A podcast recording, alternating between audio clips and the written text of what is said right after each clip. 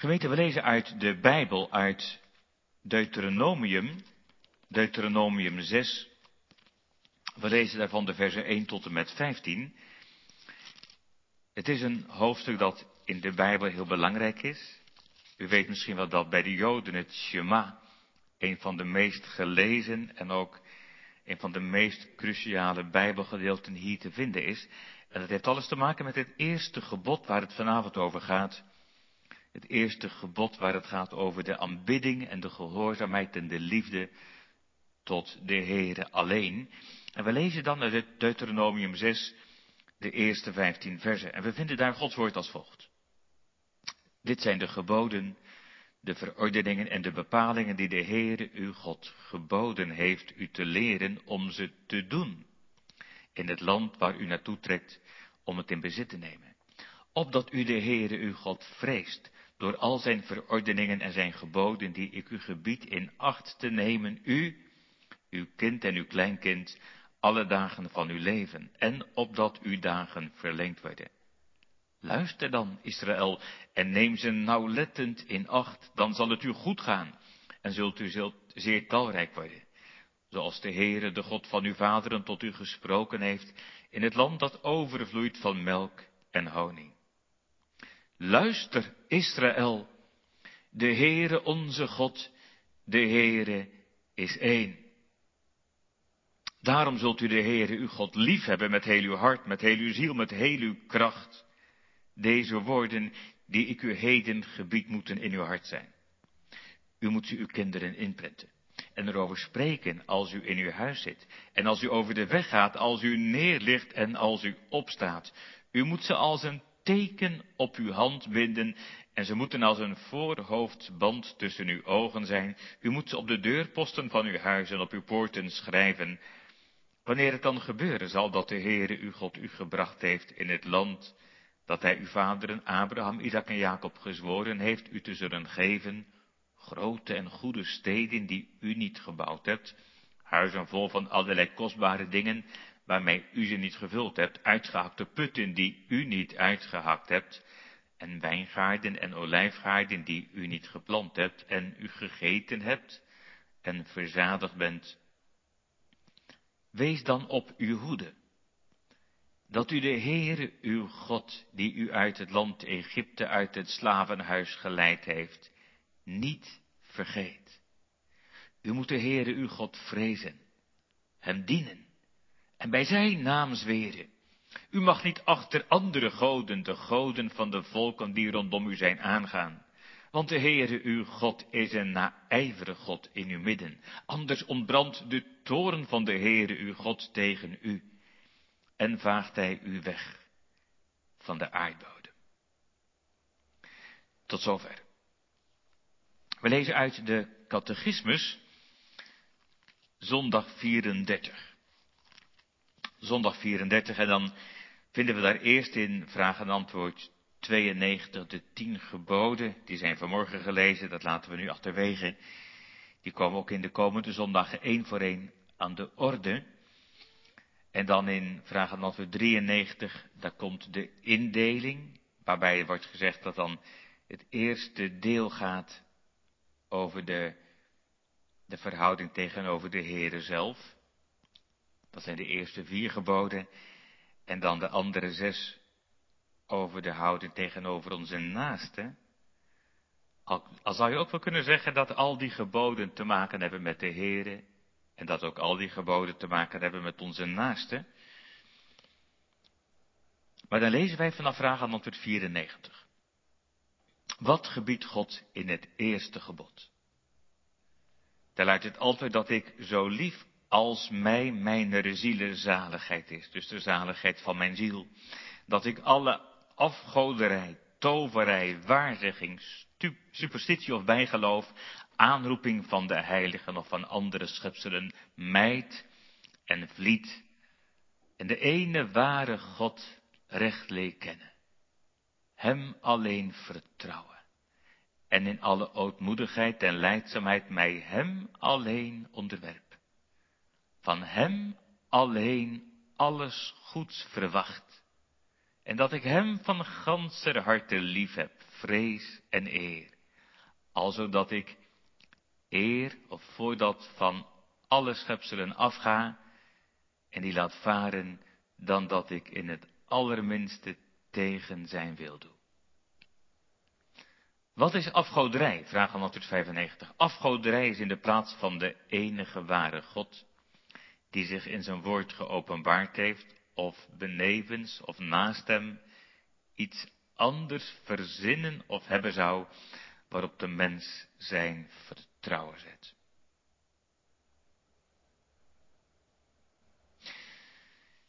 Het thema voor de preek is de Heere alleen. Dus het eerste gebod, de Heere alleen.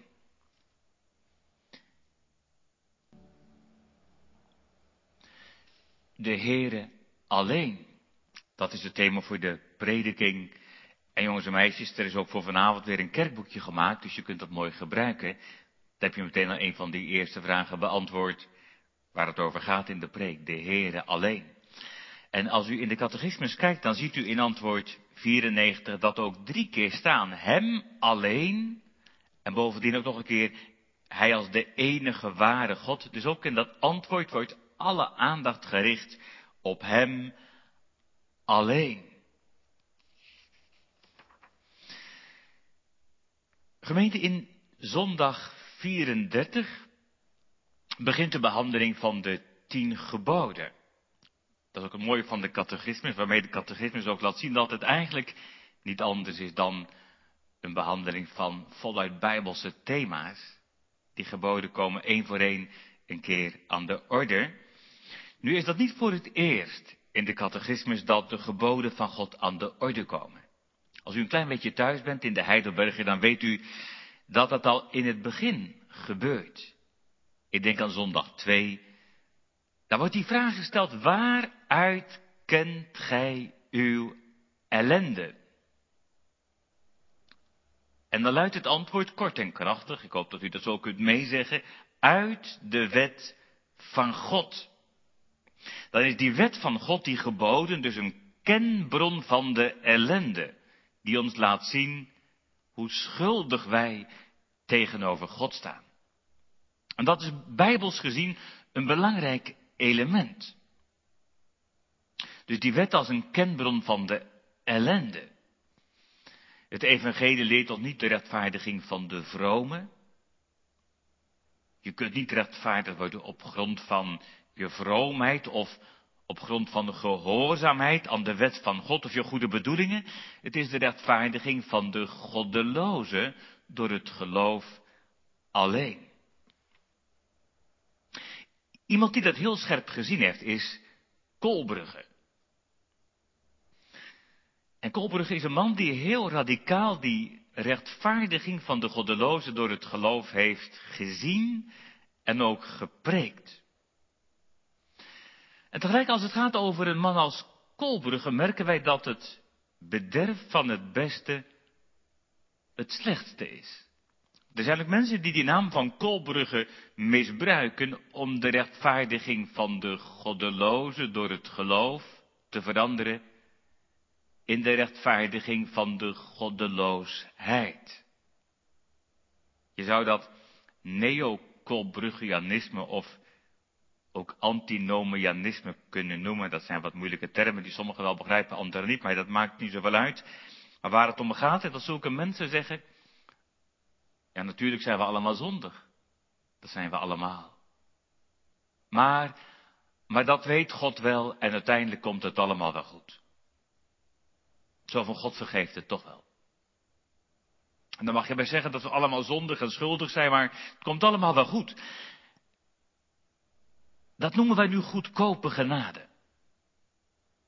En dat is hier Kolbrugge zelf radicaal tegenin ging. Daar moest hij niets van hebben. Maar waaraan herken je die goedkope genade nu in de praktijk? Dan laat ik het zo zeggen. Als de wet als een leefregel van de dankbaarheid ontbreekt. Onder zo'n prediking kun je op de oude voet verder leven. Ja, we zijn zondig en dat blijven we, maar er is wel vergeving. Maar dan is het een goedkope genade. Dat is, dat is vergeving zonder bekering. Dat is een geloof zonder de vruchten van het geloof. En dat is bijbels gezien een doodgeloof. Een doodgeloof wil niet weten van de gehoorzaamheid aan de geboden van God. Een doodgeloof wil niet weten van het haten en vlieden van de zonde. Wat is dan kenmerkend voor een levend geloof? Waar gaat het nu uiteindelijk echt om in de Bijbel? Een levend geloof heeft de geboden van God lief, omdat het God lief heeft, de God van de geboden. Ik denk aan Psalm 119. Hoe lief heb ik uw wet. Heel de dag is hij mijn overdenking. En dan merken we wel dat, dat die geboden meerdere betekenissen, meerdere functies hebben. En we zullen zien dat die in de komende zondagen allemaal terugkomen. Dus aan de ene kant die kenbron van de ellende, de wet die ons onze schuld laat zien. Dat komt telkens terug, ook in die komende zondagen, maar ook als een leefregel van de dankbaarheid. Als een gebod dat ons leert om naar Gods wil te handelen. Nu is het wel belangrijk dat wij weten wat wij bedoelen als het gaat over Gods geboden. U zult wel begrijpen dat hier niet bedoeld wordt een wetticisme van gebod op gebod, regel op regel. Waar gaat het dan wel om? Nou, u kent allemaal de samenvatting. Die heeft Christus zelf ons geleerd. Die we ook bijna iedere morgen horen. U kunt het nalezen in Matthäus 22, dat we God lief hebben boven alles met heel ons hart, met heel onze ziel en met heel ons verstand. Dat vonden we ook al in Deuteronomium 6. En daarnaast ook dat tweede gebod, onze naaste liefhebben als onszelf. En dan wil ik u maar vragen, wat is er nu beter dan dit? Wat is er nu beter dan deze geboden?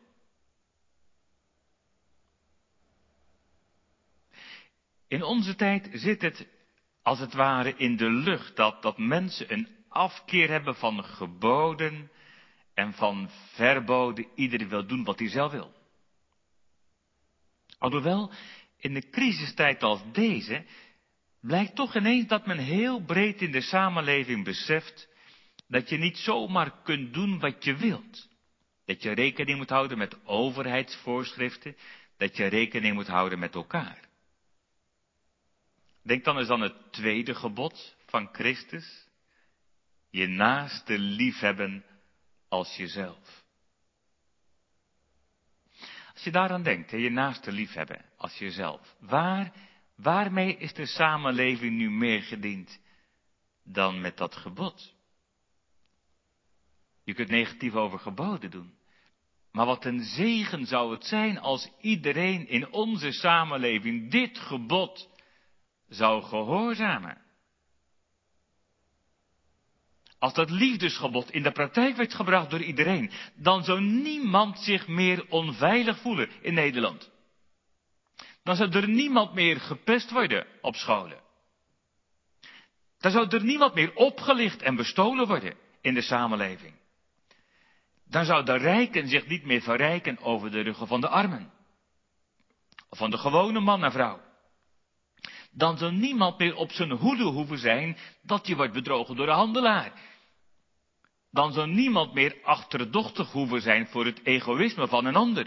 Dan zou er werkelijk vrede zijn. Dan zou er werkelijk gerechtigheid zijn. Wat zou onze samenleving gezegend zijn als iedereen die geboden zou gehoorzamen?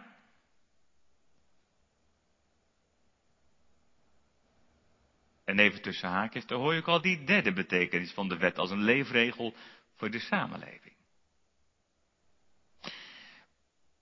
Nu heb ik wel eens christenen horen beweren, en ik heb het ook wel eens op internet gezien, en helaas kun je nog steeds mensen vinden die dat beweren, dat de wet van God zou zijn afgeschaft. Zoals het Oud Testament is en die wet dat is afgeschaft, en de christen staat in de vrijheid. Maar als je dat zegt, dat de wet van God is afgeschaft. Beseft u ook wat je dan zegt? Want die wet van God is zuiver en goed en heilig. Die wet van God. Wanneer dacht u dat die wet gekomen is? Ik heb het de catechisanten wel eens gevraagd en er komen er allerlei verschillende antwoorden. Maar als je doordenkt en doorvraagt, komen we toch waar we moeten zijn. Waar is die wet van God eigenlijk ontstaan?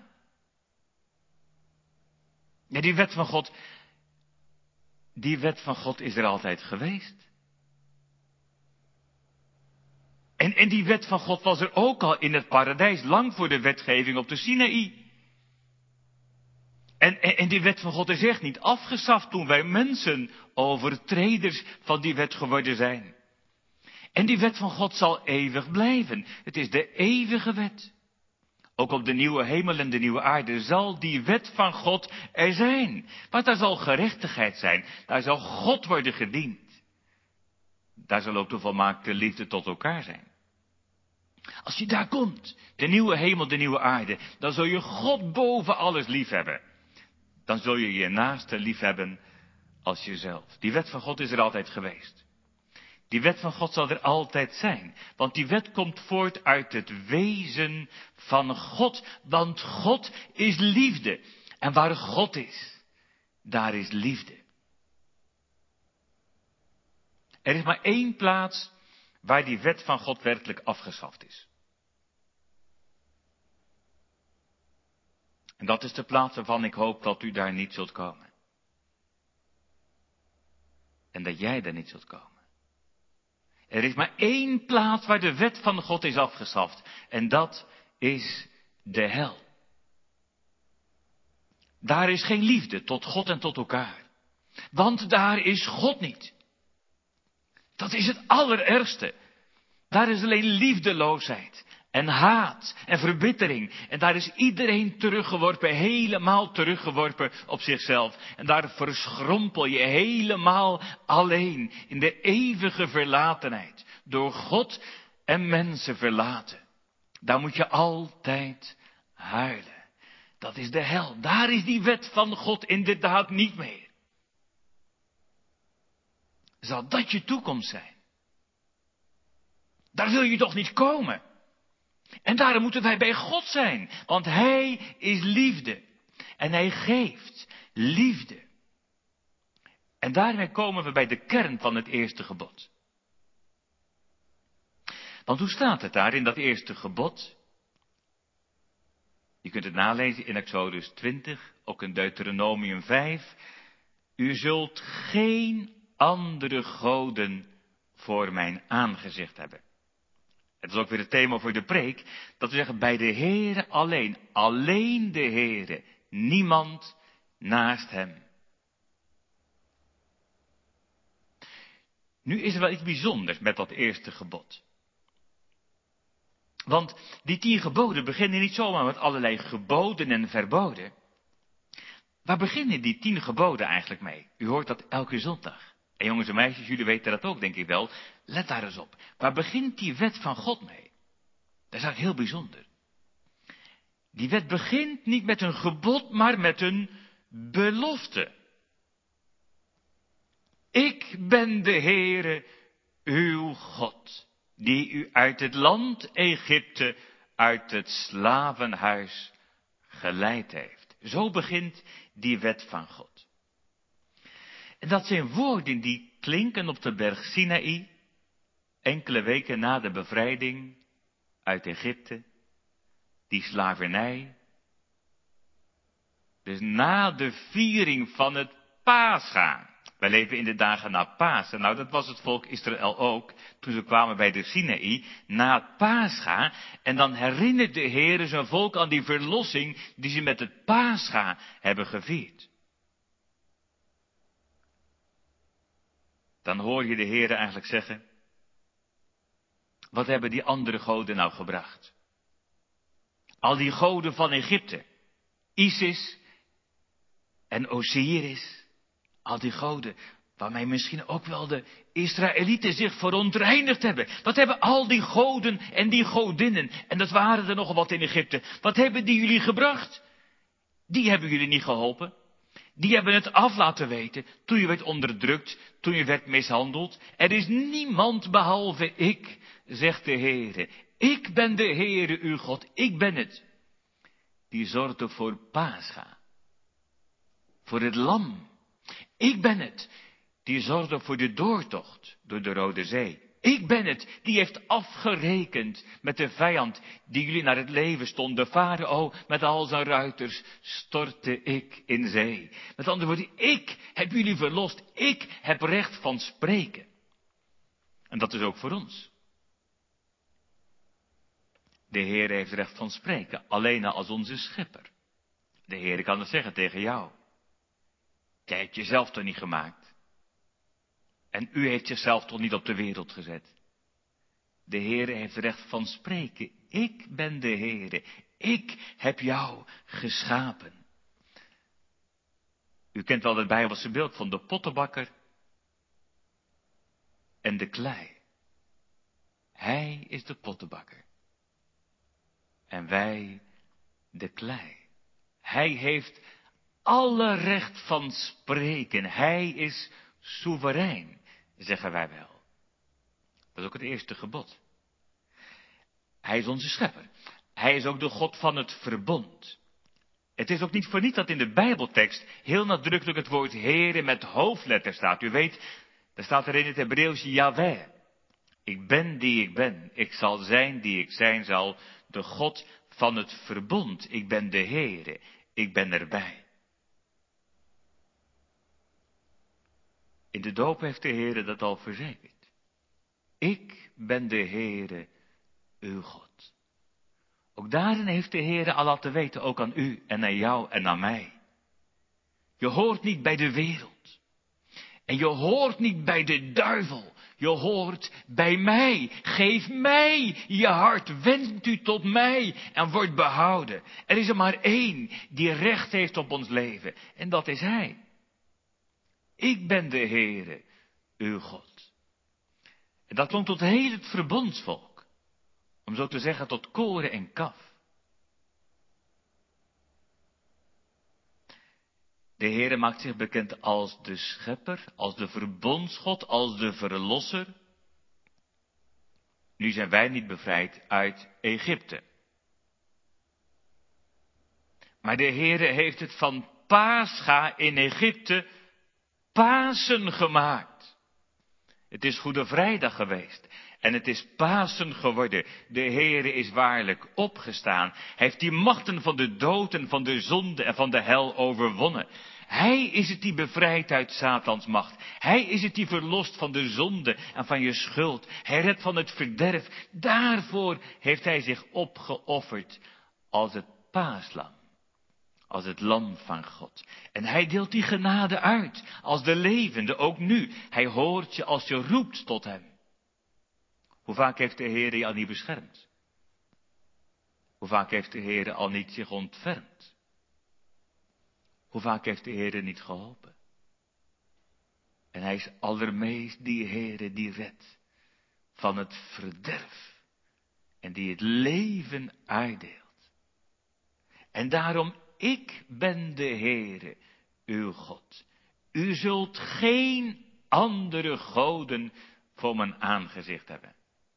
En dat is het eerste gebod. Dus met, met recht van spreken, zegt de Heer, geen andere goden.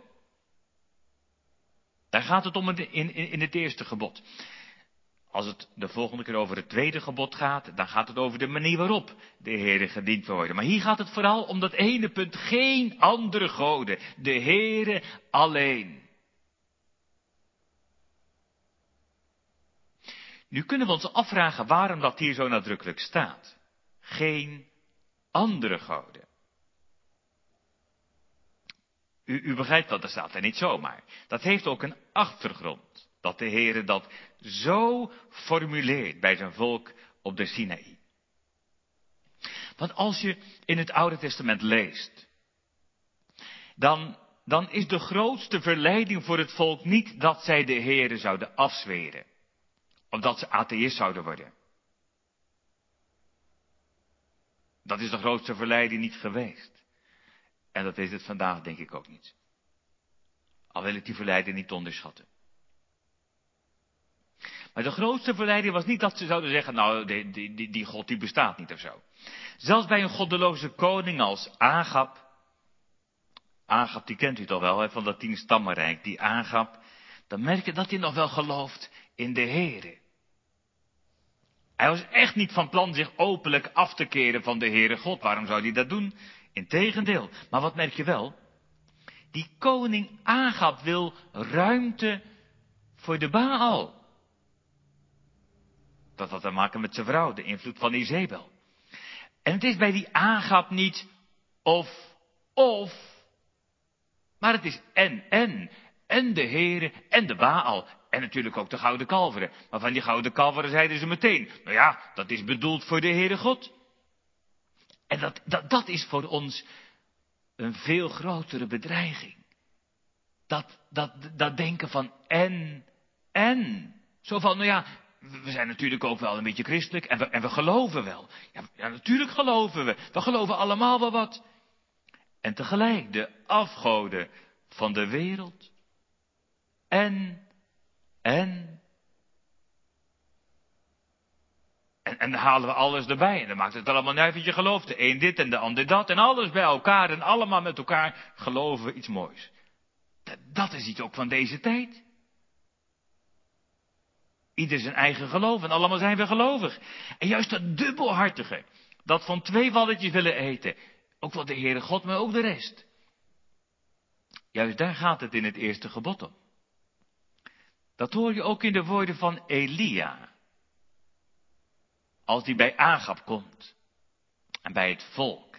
En dan zegt Elia, waar Agap bij is, dan zegt hij tegen het volk, hij zegt niet zomaar, ja, waarom hebben jullie gekozen voor de Baal? Nee, hij zegt, hoe lang hinken jullie op twee gedachten?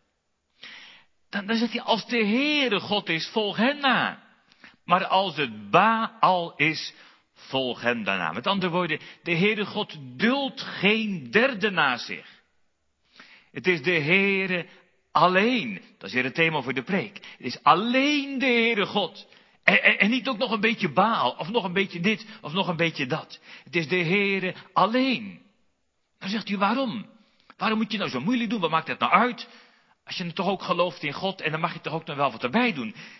Waarom, waarom wordt de zaak hier zo op scherp gezet? De Heere alleen. Of zoals het in het gebod staat, geen andere goden. Waarom? Dan zeg ik, weet dat heeft alles te maken met de liefde. In de Bijbel wordt de liefde tussen de Heer en zijn volk, de liefde tussen Christus en zijn gemeente vaak vergeleken met een huwelijk. En dan begrijpt u misschien wel wat ik bedoel. Die huwelijksliefde is altijd exclusief. Dat wil zeggen, je belooft elkaar trouw voor het leven. En dat betekent niet dat je kunt zeggen, nou ja, dan kan ik ook wel wat uh, aanpappen met een andere man of een andere vrouw. Integendeel. Je belooft de trouw alleen aan hem. Alleen aan haar. En als man beloof je je vrouw, jij bent voor mij de enige. En, uh, en als vrouw aan je man, jij bent voor mij de enige. En iedere derde die daar binnendringt, is een indringer die het huwelijk kapot maakt. Als een van beiden een relatie met een derde aangaat, dan, dan ondermijn je het huwelijk, dan verwoest je dat huwelijk, de huwelijkstrouw. Daar is de Bijbel heel eerlijk in. Dat is overspel. Dat is hoererij.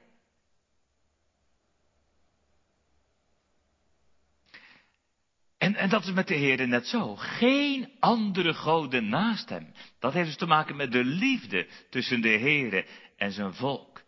Dat laat ook het zien van het walgelijke, van dat soort websites als Second Love. Waarin getrouwde mensen notabene worden aangezet tot overspel.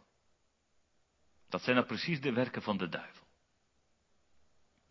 En waarom duldt God geen andere goden naast zich? Omdat Hij de enige is die recht heeft op ons hart.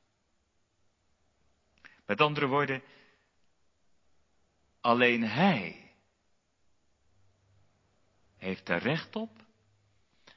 Maar het heeft ook te maken met meer. Het heeft ook te maken met het geluk voor ons. Alleen ik kan je werkelijk geluk maken. De Heere laat daarmee ook zien in dat eerste gebod. Dat dat verbond, dat dat geestelijke huwelijk hem zoveel waard is. Die liefde van hem, die heeft Christus bezegeld met zijn bloed. Daar heeft de Heere Jezus zich voor opgeofferd.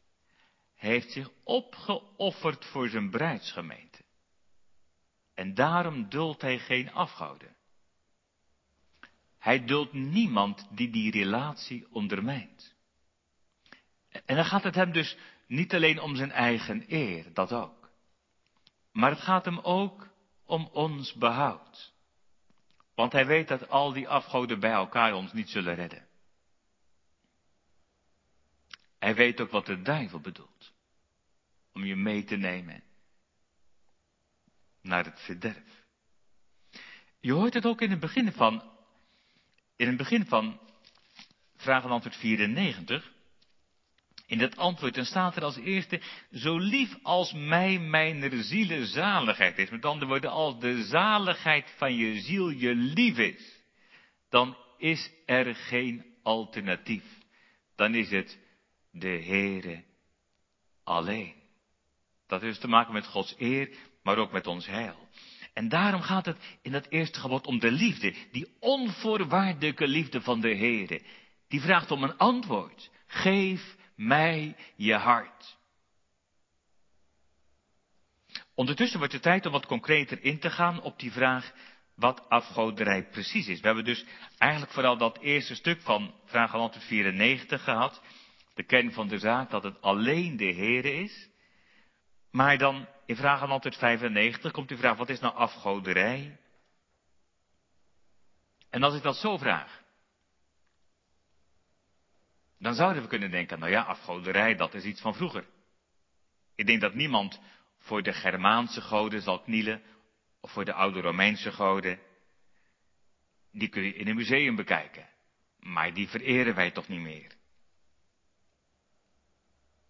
En toch, vergis je niet. Als je binnenkomt vandaag de dag in een boekhandel die geen christelijke boekhandel is. Nou ja, dan moet je maar eens zoeken. Met veel zoeken kun je misschien nog in een hoekje achteraf een Bijbel vinden. Maar je vindt veel meer aan esoterie, occultisme, spiritisme en ik weet allemaal niet wat. Denk eens aan de Boeddha-beelden die je vandaag overal ziet. Boeddha-beelden. Die kun je overal kopen. Tot bij de blokken toe soms. Alhoewel, ik hoop het niet dat het de blokker is, maar... Een Boeddha-beeld. Dan kun je zeggen, ja, dat is toch leuk in de tuin of zo, of leuk in de kamer. Maar het is een afgodsbeeld van een religie die nog steeds duizenden verstrikt. Geen andere goden, zegt de Heer. Dat raakt als vanzelfsprekend ook de verering van de Satan. Dat lijkt misschien ook ver van ons bed satanisme. Toch zijn er ook in vele dan mensen bezig met verering van de duivel. Hekserij en toverij, dat lijken misschien dingen uit sprookjesverhalen, maar in werkelijkheid zijn er mensen aan wie je misschien weinig bijzonder ziet, terwijl ze toch deel uitmaken van heksenkringen, ook vandaag. Toverij, witte en zwarte magie, die worden ook in onze tijd gepraktiseerd. Over openlijke afgoderij gesproken. Of het aanroepen van geesten. Het aanroepen van overledenen. Spiritisme. Wees gewaarschuwd. Die dingen worden ook genoemd. Ook nog in antwoord 94. Die superstitie, dat bijgeloof, het aanroepen van heiligen, maar ook van andere schepselen?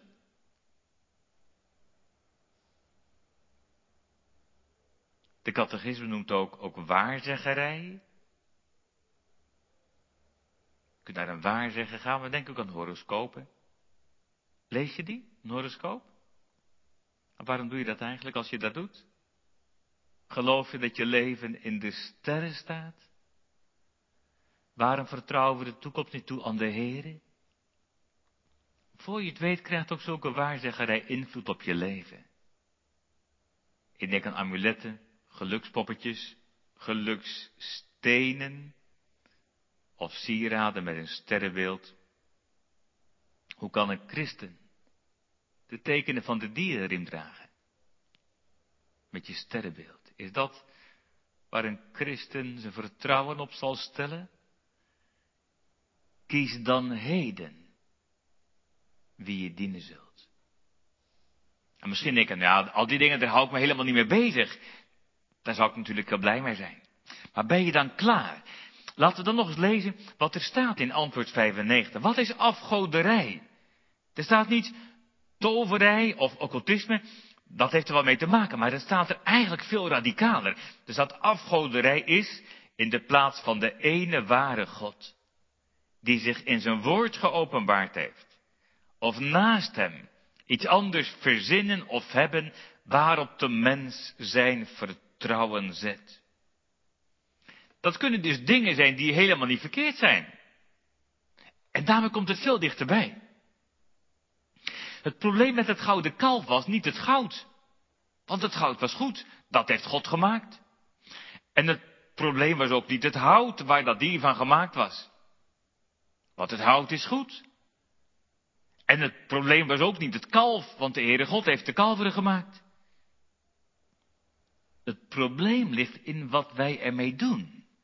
Dat we zeggen als dat gouden kalf wordt vereerd. Als we daar ons vertrouwen op, op, vestigen. Want, want er is er maar één die ons vertrouwen waard is. Dat is de Heer. Er is er maar één die onze verering waard is. Dat is de schepper van hemel en van aarde met goud en met geld op zich is helemaal niets mis. En toch kan datzelfde goud en geld een afgod voor je worden.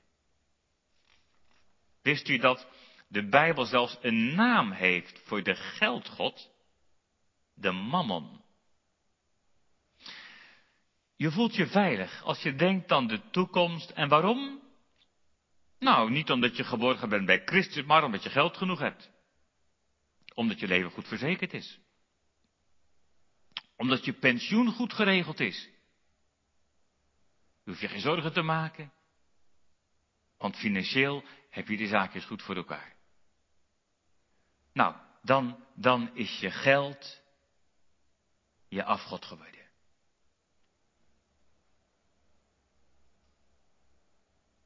En dat is het voordeel van een tijd als deze, dat je even weer met hoe onzeker dat allemaal is. Of je wilt graag verdienen. En nog meer verdienen. En nog meer verdienen. Want je moet geld verdienen. En dan wordt geld je afgod. Die al je aandacht krijgt. In de Bijbel wordt de hebzucht. En dus het geld en het goud willen hebben. Die hebzucht. Zonder meer afgoderij genoemd. Moet u maar eens nalezen. Colossense 3 vers 5. Dat is heel merkwaardig, maar ook heel veelzeggend. Dat hebzucht afgoderij wordt genoemd. Want omdat ik het wil hebben en me daardoor laat regeren, wordt het mijn afgod. En wat zegt Christus? Je kunt niet God dienen en de mammon. Waar ga je voor? Voor je geld of voor God? Wie heeft je hart? Geen andere goden. Zo'n afgod kan ook je gezondheid worden. Altijd bezig met je lichaam, met je gezondheid en ondertussen je ziel verwaarlozen. Waar vertrouw je op als je ziek wordt? Waar zoeken we ons heil? Waar verwachten wij het van in deze coronatijd? Hopen we op het heil dat de wetenschappers zullen brengen als er eindelijk een vaccin wordt ontdekt of iets anders of een geneesmiddel? Ligt onze verwachting op de ziekenhuizen en de IC's? Of zoeken wij het hoger op? Ik denk aan een voorbeeld uit de Bijbel, koning Asa.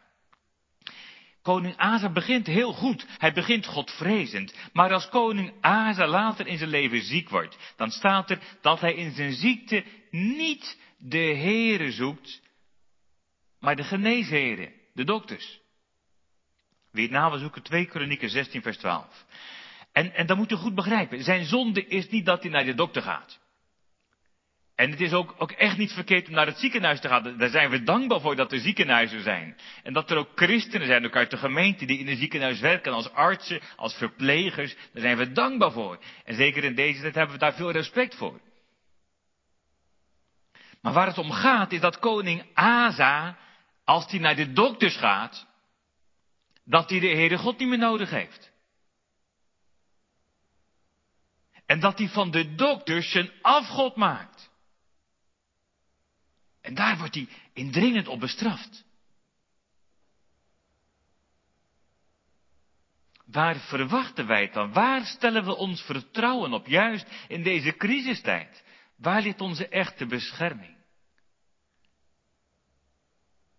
Op een heel andere manier kunnen ook je kinderen je afgod worden, of je kleinkinderen. Als alles moet wijken voor de kinderen, soms zelfs de Bijbel en de kerkdienst, want de kinderen, en dan hoor ik Jezus zeggen, wie vader of moeder, of wie misschien ook zijn kinderen lief heeft boven mij, die is mij niet waard. Goed beschouwd kan zelfs je vroomheid je afgod worden. En dan denk ik aan de apostel Paulus. Als Paulus terugkijkt in zijn leven, dan zegt hij, dan zegt hij in mijn oude leven, toen leefde ik voorbeeldig. Ik was onberispelijk als het gaat over de wet van God. Totdat Christus in zijn leven komt. En het perspectief radicaal verandert. Dan zegt diezelfde Paulus, wat mij winst was, waar ik op vertrouwde, heb ik om Christus wil als schade beschouwd. Ik beschouw alles als schade vanwege de voortreffelijkheid van Christus.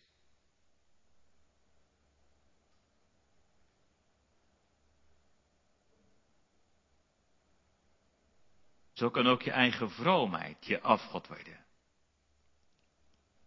En Paulus heeft dat beleden.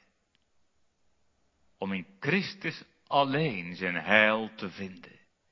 Geen andere goden. Probeer eens in te denken wat dat voor de Heer is. Als wij meer vertrouwen op ons geld, op onze financiële zekerheden, dan op Hem.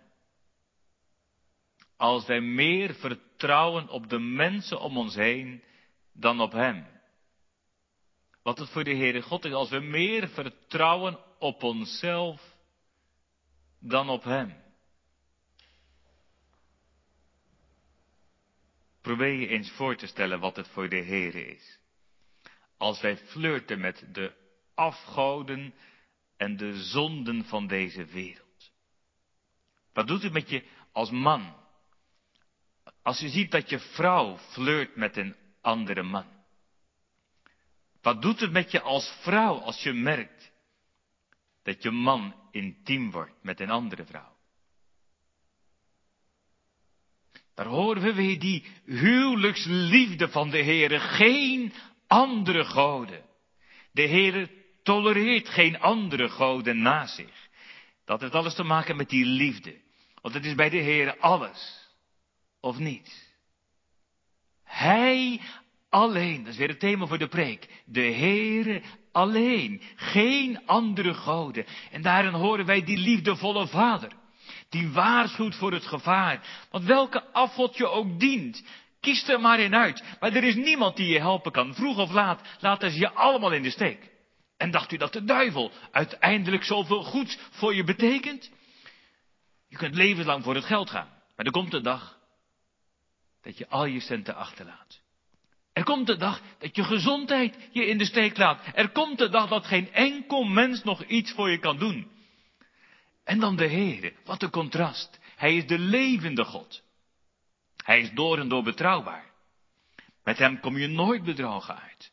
Hij laat zijn kinderen nooit in de steek. Dan ben je beter af dan bij Hem. Hij is het zo waard om gediend te worden. En daarom weg met alles wat tussen Hem en ons instaat. Daar kun je niet te radicaal in zijn. Weg met de afgoden. Weg met die afgoderij. Met alles wat je vertrouwen bij de Heere vandaan trekt.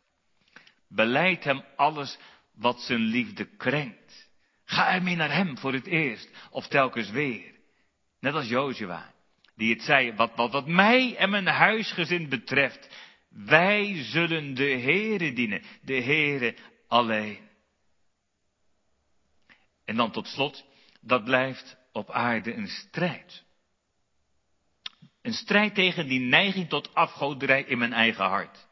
Het blijft een strijd tegen die neiging je vertrouwen te stellen op andere dingen en andere mensen en andere zaken dan de Heere alleen. Om je het hart en ziel toe te vertrouwen aan Hem. Maar in die strijd gebeurt er iets moois. In die strijd groeit het verlangen naar Hem groeit het verlangen om Hem te dienen zoals Hij het waard is. Omdat Hij zo groot en zo goed en zozeer te prijzen is. Dat is het mooie in die strijd. Het verlangen groeit naar de volmaaktheid. Wat moet dat geweldig zijn om altijd bij God te zijn. Om Hem te prijzen zoals Hij het waard is.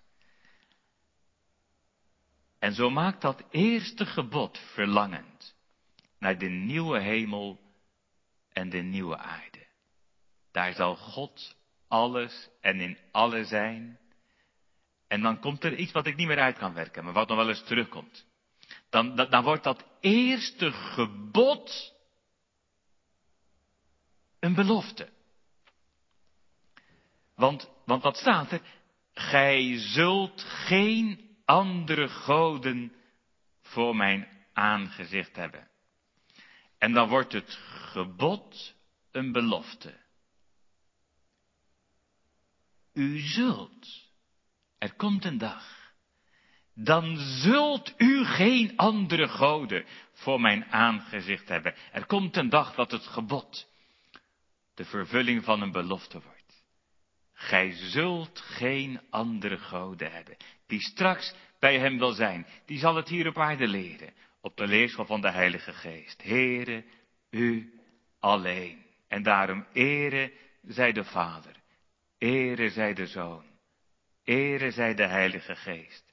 Van nu aan tot in eeuwigheid. Amen.